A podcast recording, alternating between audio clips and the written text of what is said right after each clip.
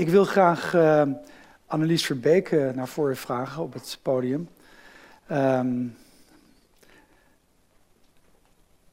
ik ga een schoon glas water voor je inschenken.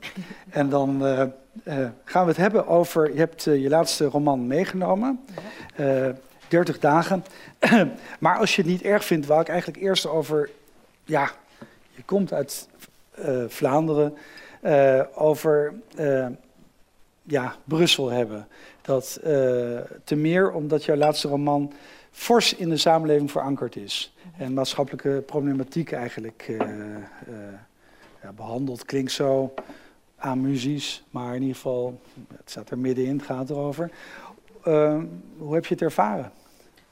Ja, ja, zoals elke Belg, denk ik, uh, was ik daar natuurlijk heel hard van geschrokken. Ik, beschouw, ik woon in Gent, maar ik beschouw Brussel ook als mijn eerste stad, omdat ik mm -hmm. altijd rond Brussel ben opgegroeid, daar naar school ben gegaan en Brussel heel goed ken. Daar ook nog heel vaak kom, uiteraard. Um, en ook ja, de luchthaven, dat is een plek waar ik veel kom. Als, als, je, als je die plekken je heel goed kunt voorstellen, je bent daar veel geweest, dan komt dat toch harder aan. Ook al weet je dat uh, in dezelfde week uh, zijn er gelijksoortige aanslagen gebeurd in Irak, waar 40 mensen in een, uh, in een voetbalstadionnetje om het leven zijn mhm. gebracht mm. door IS. En in Lahore um, door de Taliban. En dezelfde maand in de Ivoorkust. En, dus ja, het is eigenlijk dubbel. Enerzijds komt het wel degelijk harder aan als het dichtbij is. Anderzijds sta ik althans toch nog meer stil bij het feit dat we, dat, dat wij, wat aangevallen wordt, ook wel ja, heel veel mensen behelst. Dat overal op de wereld mensen daardoor geraakt worden. Dat vind ik ook belangrijk om te onthouden. Mm -hmm. Het is een beetje uh, gewaagde vraag misschien, maar jouw hoofdpersoon in 30 dagen is een hele wijze man. Hij is eigenlijk iemand die mensen helpt met klusjes, maar in die gemeenschap neemt hij eigenlijk de functie, heeft hij de functie van een soort amateurpsychiater, die dan ook nog heel goed zijn werk doet. Mm -hmm. Dus en mensen vertellen verhalen. Wat zou hij gezegd hebben over, of als advies gegeven hebben, als hij het verhaal bij hem was gebracht over die aanslagen. Heb je daar enig idee van? Ja. Ja, hij zou daar wellicht ook gewoon door geraakt zijn. Je, je kunt daar ook heel weinig op zeggen in eerste instantie. Mm. Um, Hoe had hij gereageerd eigenlijk? Ja, ik denk, ik denk dan toch om, uh, om niet te gaan leven vanuit de angst of vanuit mm. de woede.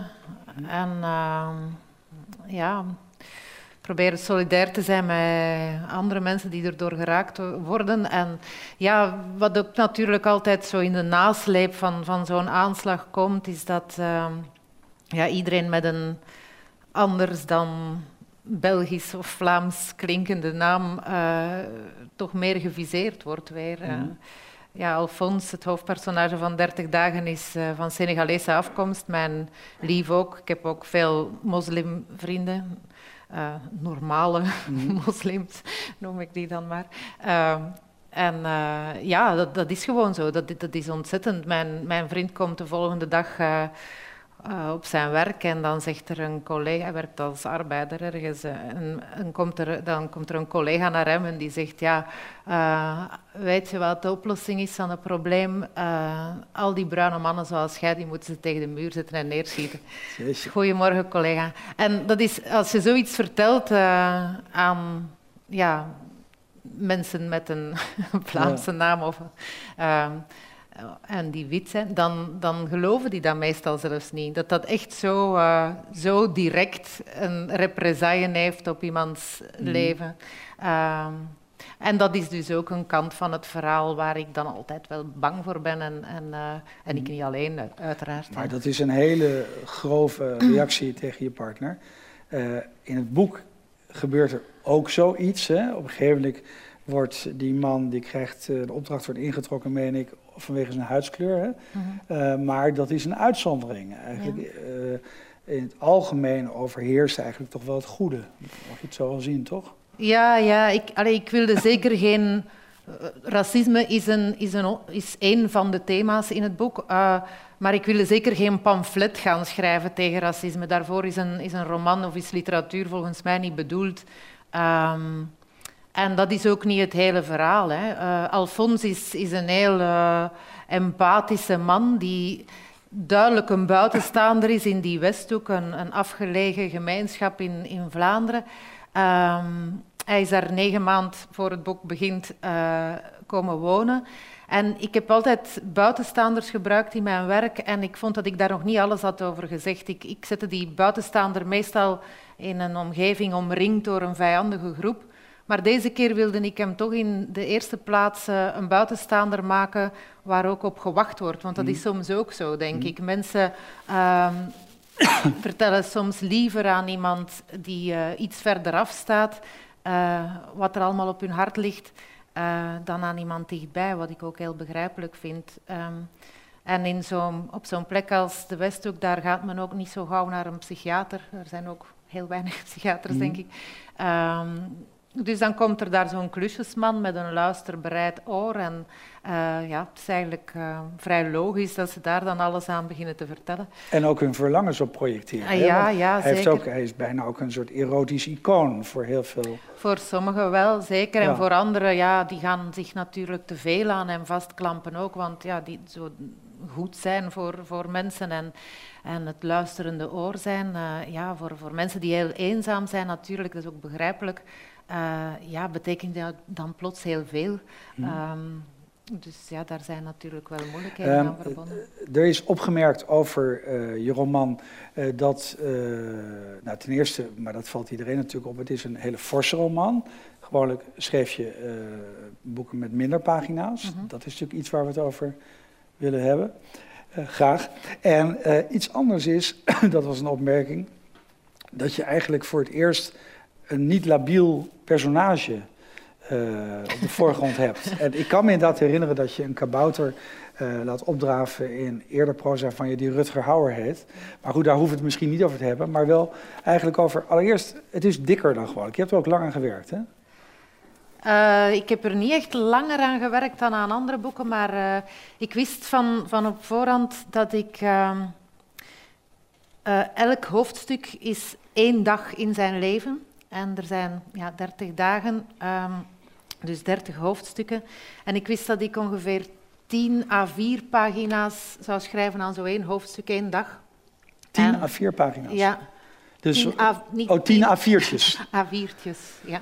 Dus dat zijn 5000 woorden ongeveer? Dus, ja, met de interlinie anderhalf, ja. wel, ik weet niet precies hoeveel woorden. Maar ik wist dus wel dat het een, een dikker boek zou worden. En ik wist ook dat, dat de stijl uh, wat ook in elk boek anders is, denk ik. Uh, de stijl ook uh, van mij zou vragen om langer bij de dingen stil te staan. Mm. En dat wilde ik ja, als persoonlijke uitdaging, dat wilde ik, wilde ik deze keer proberen, omdat ik ja, de indruk had dat ik zo met mijn snelheid, waar ik wel lang van hield, ja, soms ook het een beetje makkelijk maakte voor mijzelf of zo. Om uh, vlucht naar een andere scène te gaan. En ik mhm. dacht, nee, deze keer wil ik mezelf eens verplichten om uh, ja, echt de, de, hele dag bijna te beschrijven. Natuurlijk niet echt letterlijk elke seconde, mhm. maar ja. Ging je zo snel daarvoor omdat het je verveelde? Om lang stil te blijven staan bij mm. gebeurtenissen? Of... Maar het, het, gaat natuurlijk over uh, het boek. Uh, elk boek brengt, brengt een bepaalde lengte met, zich mee, een bepaalde stijl met zich mee. En hier gaat het heel hard over iemand die, die rust wilt, die, uh, ja, die ehm, ja, vrede vindt ergens. En ik wou dat die... Er zit ook een soort van hypnose, denk ik, in het, mhm. in het boek. En in mijn... ik, ik begon eigenlijk met de gedachte nog voor ik wilde schrijven over goedheid en iemand die goed wil doen voor zijn medemens. Eh, had ik de, de idee fix dat ik moest schrijven over een hypnotiseur. Maar ik weet absoluut niks over hypnose en ik weet ook niet waarom dat zo in mijn hoofd uh, was opgedoken. Maar... Uh, ja, daar heb ik maandenlang mee rondgelopen. Een hypnotiseur, een hypnotiseur. Uiteindelijk kon ik dat laten varen. Maar merkte ik toch toen, toen dit boek uh, tot stand kwam van ja, er zit wel iets hypnotisch in, in het landschap, in de, in de muziek die erin besproken wordt en ook wel ergens in zijn gedachten, in zijn omgang met zijn klanten. Hij zegt ergens, het is een soort van wederzijdse hypnose wat er mhm. gebeurt als de gesprekken dieper gaan. Um, dus ja, vanzelf kwam, kwam die lengte en die stijl erbij. Dat, uh, dat was gewoon nodig voor dit mhm. boek. Ik heb begrepen dat je ook in Calais bent geweest om uh, vluchtelingen te helpen voor een medische organisatie, meen ik. Hè? Ja, en, eigenlijk niet in Calais zelf, maar in Noord-Frankrijk, in de provincie Pas-de-Calais, zijn mhm. er 15 toen, in 2013, ondertussen wellicht meer, 15 van dat soort geïmproviseerde vluchtelingenkampen. ja. Mhm. En ik heb daar met Médecins du Monde inderdaad twee dagen meegelopen, twee, amper twee dagen. Uh, maar dat vond ik wel... Was dat al met uh, als oogmerk uh, je, je boek of aan, aan proza werken? Of was het meer dat dat uit een andere behoefte voortkwam? beide, wel, het boek, maar ook, ik had een jaar lang had ik een opdracht in de Westhoek om een blog bij te houden over mhm. dat grensgebied in het kader van het project 300 jaar grens 300 eh, jaar geleden heeft de Vrede van Utrecht de grens tussen België en Frankrijk mhm. vastgelegd, waar eigenlijk een uh, ja, Frans-Vlaanderen en, en de, de uiterste, het uiterste westen van West-Vlaanderen in twee zijn gehakt. Um, dus bij Rekkem daar? Ja, ja, ja, De, de Westhoek is eigenlijk dat, gans dat gebied, een stukje Frankrijk en een stukje Vlaanderen. En um, ja, ik, ik schreef daar dus elke week een blog over. Ik reed elke week minstens één keer in die richting. Um, op zich ook hypnotisch vond ik om daar telkens naar terug te keren en heel welkom in, in de drukke weken die ik toen had. En uh, ja, ik, ik schreef ook over de grens als filosofisch concept, zowel als over het gebied. En ik dacht, ik kan onmogelijk uh, voorbij gaan aan het meest schrijnende grensverhaal mm -hmm. dat hier vandaag een, zich eh, afspeelt. Uh, ik ben er onlangs om een andere reden geweest, maar het, is ook, het kwam mij voor als ook wel een erg arm gebied hè, daar. Ja, Want, ja. ja, ja, arm en verlaten en, en ook wel een heel mooi in de lente en zo, sprookjesachtig bijna qua landschap, maar tegelijk uh, ja, iets heel desolaat, zeker in, in de winter en inderdaad niet de rijkste streek, ook alle bedrijven die er waren zijn, zijn leeggelopen. De, de mm. bloeiende volkscafés die er waren gaan heen samen met hun eigenaars die stokoud mm. zijn en, en mm. sterven. Uh, ja, het is, het is eigenlijk niet de vrolijkste streek al bij al. En dat zocht je op? Wel, dat paste natuurlijk ook uh, bij het boek. Het is een boek dat ook gaat ergens over, uh, over ja, vergankelijkheid toch ook wel, denk ik. Um, je bent begonnen als ehm, schrijver voor toneel hè? of eh, scenario? Of... Ja, mijn eerste grote werk was een scenario voor een film. En daarna kwam Slaap, ja. de roman. Oké. En uh, uh, je hebt in de tussentijd, oh ja, kijk hier, het plaatje bewijst het. Uh, heb, heb je, je bent doorgegaan met het schrijven voor toneel. Ja, dan vooral theater. Uh, ik heb ook nog een aantal keer voor film geschreven, maar dat vond ik toch nogal frustrerend al bij al. Maar theater heb ik veel uh, gedaan, ja. Is dit nu plezier. de vorm van schrijven die we van je kunnen blijven lezen? Dus een, een brede roman die dat minder grillig is dan... Oh nee, ik, ik, ik zie het echt... Ehm, ja, ik zie elk boek echt als een, als een werk op zich. Ik wil ook niet alleen maar uh, mij binden aan romans. Ik, ik, schrijf heel graag korte verhalen bijvoorbeeld, mhm. dat is mijn favoriete genre. Um, maar uh, ja, misschien schrijf ik nog wel eens iets dat dikker is dan dit, of uh, ook weer, weer dunner. ja, werk daar gaat het mij nu Werk je aan iets? Of? Ik ben nu weer met uh, korte verhalen bezig, ja. En, en wil je daar iets over vertellen, of is dat nog... Ja, ja ik heb uh, bij elke verhalenbundel... Ik vind, je moet een bundel altijd als, als bundel schrijven. Uh, wat niet betekent, ja, wat niet betekent dat je die verhalen niet uh, eerder uh, kunt ergens voorschrijven natuurlijk, maar wel met oog op die bundel. En mijn eerste verhalenbundel, Groener Gras, ging over winnen en verliezen.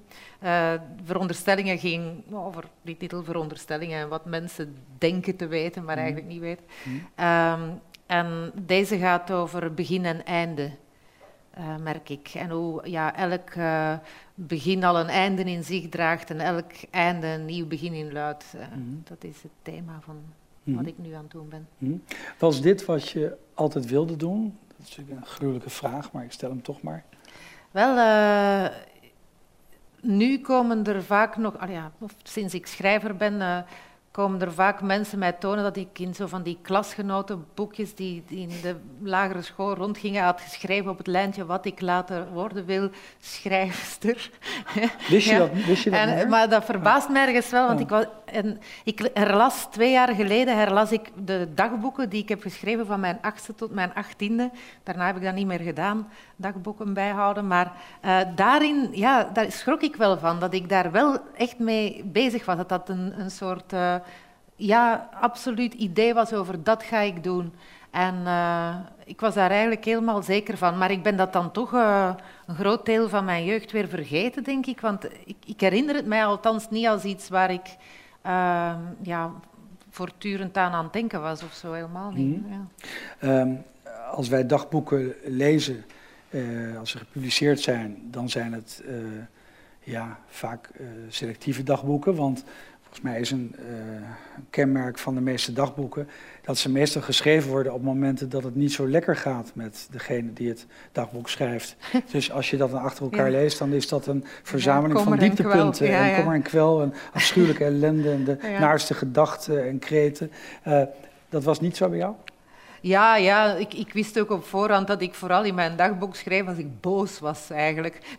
dus ja, komt nogal een, een, een ja, een boze, boos kind in haar, mm. voor. Mm.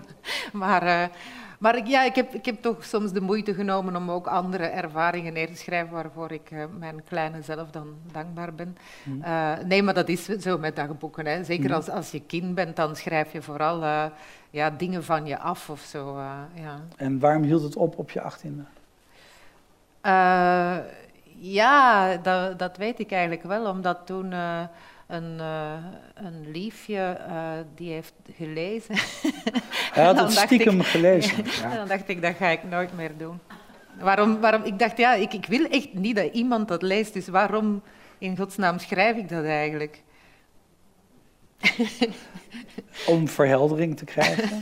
Misschien, ja.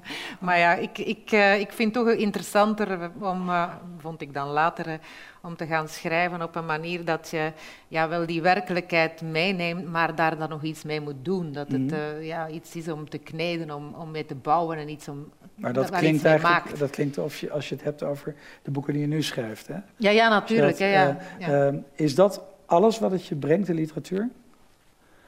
Het bouwen, het maken. Ja, dat is heel veel. Dat, dat is wel heel veel. Dat is een levensinvulling uiteindelijk. Ja. Uh, dus als ik mij ga afvragen, is dat alles?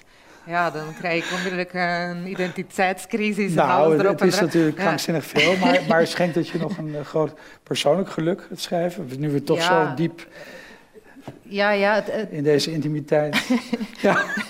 ja, het is zelfs zo dat... Uh, ja, dat ik mij moeilijk een leven zonder kan voorstellen, omdat ik merk dat als ik dan wat rustiger aan ga doen of zo, of mijzelf dat opleg, dat ik er helemaal niet rustig van word als ik lang niet schrijf. Um, en dat, dit, dat, dat het iets is wat mij voldoening geeft. Wat, uh, ja, als ik flink geschreven heb die dag en, en ja, een paar momenten had waarbij ik denk, goed zo. Mm. uh, ja, dat, uh, ja, dat geeft mij ja, een plezier in mijn leven, denk ik, eh, in de eerste plaats. Mm ja. ja. ik heb net Franka teruggeteisterd met de vraag of schrijven voor haar ook niet een vorm is van hardop bidden. Eh, naar wie? Ja, ik vond dat een goede vraag eigenlijk. Want, ja. want, nee, ik vind, ik vind dat wel. Ik vind het is wel iets, uh, ja, bidden of, of mediteren. Ja, er hoeft dan niet per se iemand te zijn tot wie je bidt. Ja, ja, ja, tuurlijk. Maar dat, dat, ik denk dat dat veel gemeenschappelijk toch wel heeft, omdat het uh, een van de aspecten bijvoorbeeld is dat er niet zoiets is als tijd. Mm -hmm. uh, als, ik, als ik goed aan het schrijven ben, dan heb ik geen idee van tijd. Mm -hmm. um, en ja, dat is denk ik bij alles waarbij de geest in een soort van hoger uh, stadium komt of zo. Dus dat zal mm -hmm. zeker wel veel gemeen hebben, ja. Mediteren zeker, denk ik. Begeleiden je personages je eigenlijk nadat je over ze geschreven hebt of nadat je ze tot leven hebt gewekt? Dat is een betere vraag. Hè? Bestaan ze dan nog voor je? Uh, neem je ze mee? Um, ja, ze bestaan wel nog. Maar, um, maar het is niet zo dat ik uh, mij dan afvraag hoe zou het daar nog mee zijn en dat ik uh, dingen verzin die nog na het verhaal of na de roman gebeurd zijn. Dat niet. Uh, ik laat ze dan ook wel gewoon rusten, maar Um, ja, ik denk soms wel terug aan personages. Of ik, zeker ook personages van, um, van verhalenbundels, die, ja, ik, ik, zie mezelf eigenlijk als een soort van parade van mensen, denk ik. En ik heb achterhaald dat in de romans zijn het eigenlijk de leiders van de parade van, van de periode die eraan vooraf ging, mhm. die ik achterlaat, of die ik neerschrijf en dan mhm. achterlaat, om mij dan mhm. weer te vernieuwen. En ehm, ja, bij de verhalenbundels komt het veel spontaner en associatiever en gaat het denk ik om al die andere figuurtjes in, in de parade die ik daarom nog niet zo goed ken, mhm. of die daar geen leiderschap hebben, maar die wel interessant zijn. En in die zin denk ik dan soms wel terug aan eerdere personages van korte verhalen waarvan ik denk van, ah, daar hebben we die weer uh, opduikend in mijn ja, ik zit hier eigenlijk, in dit hele gesprek zit ik, zit ik 30 dagen een beetje voor het publiek dat het nog niet gelezen heeft, uh, te presenteren als een zeer solide, bijna conventionele roman. Waarbij ik niemand wil onthouden dat het einde uitermate verrassend en, en emotionerend is. Uh, maar tegelijkertijd is het ook een soort waaier. Want die verhalen die staan eigenlijk op een bepaalde manier op zich, behalve dat ze gericht zijn aan uh, nou zeg maar de, de, de Senegalese verlosser op een bepaalde manier. uh, heb je over die vorm nagedacht? Ja, uiteraard heb je erover nagedacht. Maar goed, ja, de, de, de, reden is dus eigenlijk waarom. Ja, ja. ja. Um, ja, ik, ik hou ook wel van zo'n mozaïekstructuren. En in het begin dat het boek uit is, zei iemand, en ik vond dat iets waar ik zelf nog niet zo bij stilgestaan heb, maar wel waar, van dat ik uh, op een manier uh, verschillende aspecten van mijn schrijverschap er wel in verwerkt had. Ik denk dat, dat je inderdaad die verhalen van, van die klanten kunt zien als korte verhalen die erin verwerkt zijn en die wel op elkaar ingrijpen en die wel mhm. ja, ver, terugkeren enzovoort. Maar, um, en anderzijds zitten er meer essayistische stukken in, mhm. beschouwende, poëtische stukken. En ook heel theatrale, toneelachtige dialogen, denk ik. Mhm. Dus uh, misschien is het waar, heb ik alles wat ik de laatste jaren heb gedaan samengebracht in dit boek op een manier. Mm ja, wat, wat mag, dacht ik. ja, uh, nee, dat, dat, dat uh, vind ik goed zo. Heb jij andere reacties op deze roman gehad dan op je eerdere werk? Ja, ik heb wel echt heel emotionele reacties gekregen van mensen. Ehm, ja, ook gewoon lezers die mij mailden en zo. En die, uh, ook door het einde, wat ik niet wil, wil prijsgeven, dus het is een beetje moeilijk om, om het eigenlijk uit de doeken te doen. Maar um, ja, mensen reageren daar heel verschillend op. De meesten hadden het niet zien aankomen. En sommigen vonden het dan alsnog ja, eigenlijk de enige mogelijke weg. Mhm. En de anderen vonden het dan ja, alsof ik hun gemanipuleerd had in een soort van, een heel boek lang in een soort van hoop. Mhm. Die ze dan ja, konden uitleven en die dan op het einde van hen wegnam of zo. Mhm. wat, wat niet echt mijn bedoeling was. Voor mij was het ook ja, het enige mogelijke einde wat ik ook van bij het begin wist dat dat het einde zou zijn en waar ik zoveel hints eigenlijk heb gegeven en zo naartoe heb geschreven. Maar uh, ja, het heeft wel iets uh, gedaan met mensen, dus dat is, dat is, daar ben ik blij om, uiteraard. Mm. Ja. Schrijf je dan ook echt terug aan die ja, mensen? Ja, ja, dat vind ik wel... Uh, ja, het zijn ook geen duizenden reacties natuurlijk die ik moet beantwoorden op die manier, maar nee, het is nog wel over, overzichtelijk. Maar ik vind ja, als een lezer echt ja, de moeite doet of, of de behoefte heeft om, om echt ja, daarover te communiceren wat hij heeft meegemaakt of, of, mhm. ervaren door je boek, ja, natuurlijk schrijf ik dan terug. Ja. Mhm. Mhm. Ehm, een laatste, wat bizarre vraag is: ehm, je woont in Gent. Waarom Gent? Ja, ik ben daar gaan studeren en daar gebleven. Dat is, het is de meest maar het is, ja, het is een hele leuke stad. Het is ook meer een studentenstad eigenlijk. Hè? Ja, is een heel banale reden. De meeste mensen die daar, die daar uh, wonen, hebben daar gestudeerd en blijven daar dan. Gent is ook zo'n plek, en dat is positief en negatief. Je, weinig mensen gaan daar weer weg, omdat je er ook niet echt iets tegen kunt hebben. Nee. Gent is zo gezellig. De Gentse feestdagen. Ja, overzichtelijk en alle cultuur is daar aanwezig. En, ja. maar, uh, maar ik mis Brussel wel vaak. Eigenlijk mis ik Brussel al, al jaren. En, en mhm. ik denk telkens van ik ga toch nog eens terug naar daar, maar dan is er altijd weer iets wat mij in Gent houdt. En, En ik heb ook niks tegen Gent, dus Maar het, het, ik blijf daar maar. het, zal Ja. niet, het zal toch niet Herman Brusselman zijn die in Gent houdt? Of, Nee, Nee, Herman heeft daar weinig kom je nooit te tegen natuurlijk daar. Maar, eh, nou, dit was een krankzinnig einde van een erg gewaardeerd gesprek door mij. Dank je wel. Ja, graag gedaan. Merci.